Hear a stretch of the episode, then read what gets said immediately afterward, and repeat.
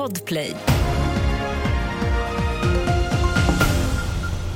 Här är senaste nytt. Det turkiska utrikesutskottet skjuter upp beslutet om ett svenskt NATO-medlemskap. Det här säger utskottets ordförande enligt medier i Ankara. Finland stänger fyra gränsövergångar mot Ryssland på grund av ökat asyltryck.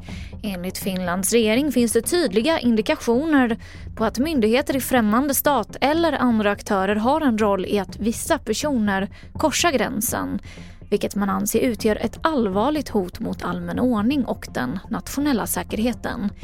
Gränsstängningen sker natten mot lördag och beräknas att gälla fram till den 18 februari. Byggbranschen var den bransch som varslade flest under förra månaden visar statistik från Arbetsförmedlingen. Och på bygggymnasiet i Ystad så märker man av att det blivit svårare att få praktikplatser åt eleverna hos byggföretagen. Det börjar bli tuffare, det känner vi. Är det några elever som inte har fått någon plats? Vi har ett fåtal, har vi.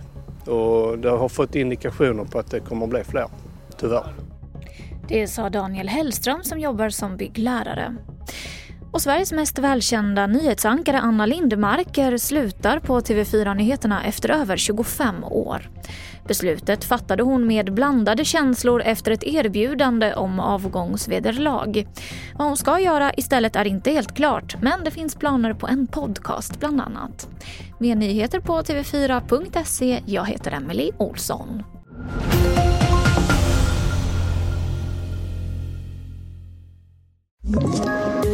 Poddtips från Podplay. I podden Något Kaiko garanterar östgötarna Brutti och jag, Davva, dig en stor dos skratt. Där följer jag pladask för köttätandet igen. Man är lite som en jävla vampyr. Man har fått lite blodsmak och då måste man ha mer.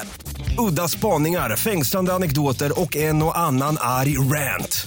Jag måste ha mitt kaffe på morgonen för annars är jag ingen trevlig människa. Då är du ingen trevlig människa, punkt. Något Kaiko, hör du på Podplay. Därför är gardinerna.